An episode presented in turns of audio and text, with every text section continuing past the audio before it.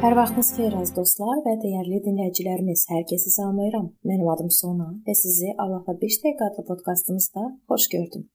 Bir neçə görüşlər əvvəl biz imanlar cəmiyyətində qarşılıqlı münasibətlər barədə danışanda daha çox qardaşlar arasında qarşılıqlı münasibətlər haqqında danışmışdıq. Bu dəfə isə mən bacılar arasında olan münasibətləri istəyirəm araşdıraq. Qardaşlar arasında münasibətlərə dair müqəddəs kitab prinsiplərini bacılara da aid etmək olar. Və bu təəccüblü deyil. Çünki bacılar da qardaşların üzləşdiyi bir çox təhlükələrlə qarşılaşırlar. Bacılar da qardaşlar kimi fərqli yaradılıblar. Allahın niyyəti xoş idi. Lakin bu münaqişələrə, kədərə və hətta inciliyə də səbəb ola bilər.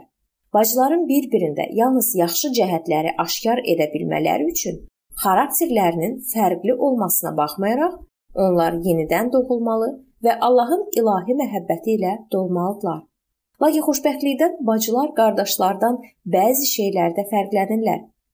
Bir qayda olaraq onlar ruhani həqiqətlərə daha həssasdırlar. Baxmayaraq ki, bəzi bacılar dağılmış münasibətlər səbəbindən qardaşlardan da aşağı səviyyəyə enə bilərlər. Başqaları isə bağışlanma, səbir və mərhəmətdə daha yüksəklərə qalxa bilərlər. Gəlin bacılar arasında dil məsələsinə toxunaq.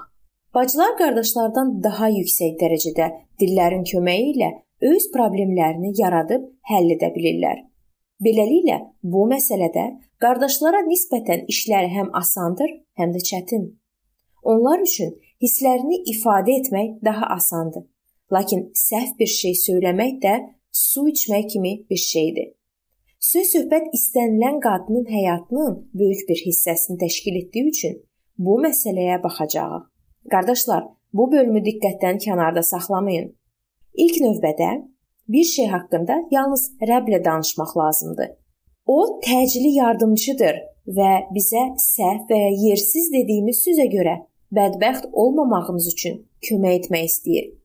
Bir düşünün, otağa girib arxamızca qapını bağlayaraq başqaları haqqında ətrafdakılara deyil, Allahla danışsaydıq, nə qədər xeyirxah iş görmüş olardıq. Bir düşünün, hər dəfə telefon zəng çalanda qəlbimizi Rəbbə tərəf çevirsəydi, nə qədər xeyirxah iş görmüş olardıq. Belə anlarda bu duanı edə bilərdik. Ya Rəbb, mənə düzgün sözləri ifadə etməyə və lazım olan vaxtda dayanmağa kömək et. Çoxlarımız dediqodunun imanlılar cəmiyyətinə və ya ayrı-ayrı adamlara hansı zərbəni vura biləcəyini şəxsi təcrübələrindən bilirlər. Buna görə də bu kimi işlərlə məşğul olmamalıyıq. Həmçinin başqalarının günahlarının bağışlanması üçün də dua etmək kimi möcüzəvi imkanımız var. Bu 1-ci Yəhya 5:16-da yazılıb. Əgər kimi isə həqiqətən də seviriksə, onda belə də edəcəyik nə isə gördüyümüz və ya gözümüzə göründüyü barədə kiminsə arxasınca danışmayacağıq. Bunun əvəzinə Allaha onların bağışlanması üçün dua edəcəyik. Çünki bilirik ki, əslində bu adamlar düzgün hərəkət etmək istəyirlər. Məs belə hərəkət bir çox günahlarının üstünü örtəcək məhəbbət adlanır. Bu 1-ci Peter 4:8-də yazılıb. Gəlin qürur və paxıllıq haqqında da bir neçə söz deyək. Bacılar xüsusilə də ruhun günahlarından qaçmalıdırlar. Onlar paxıllıq və qürurun əsarətinə düşə bilərlər. Həmişə hər şey qaydasında olan bacarıqlı bacı ola bilsin ki, öz evini qonşuluqda yaşayan bacısının səliqəsiz evi ilə müqayisə etməyi sevir. Əgər onun başqa bacılara işlərində kömək etmək üçün vaxtı qalırsa, onda bu barədə imanlar cəmiyyətindəki bacılara danışmaq istəyi yarana bilər. Hətta özü də bilmədən bu və ya başqa bacı üçün gördüyü işlər barədə ağzından bir neçə söz çıxa bilər. Öz nailiyyətləri barədə danışmaq qürur simptomudur.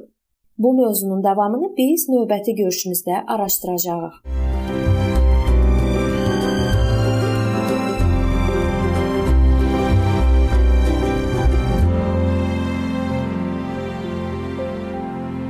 Beləliklə əziz dostlar, Bu yerdə bu mövzu sona çatdı.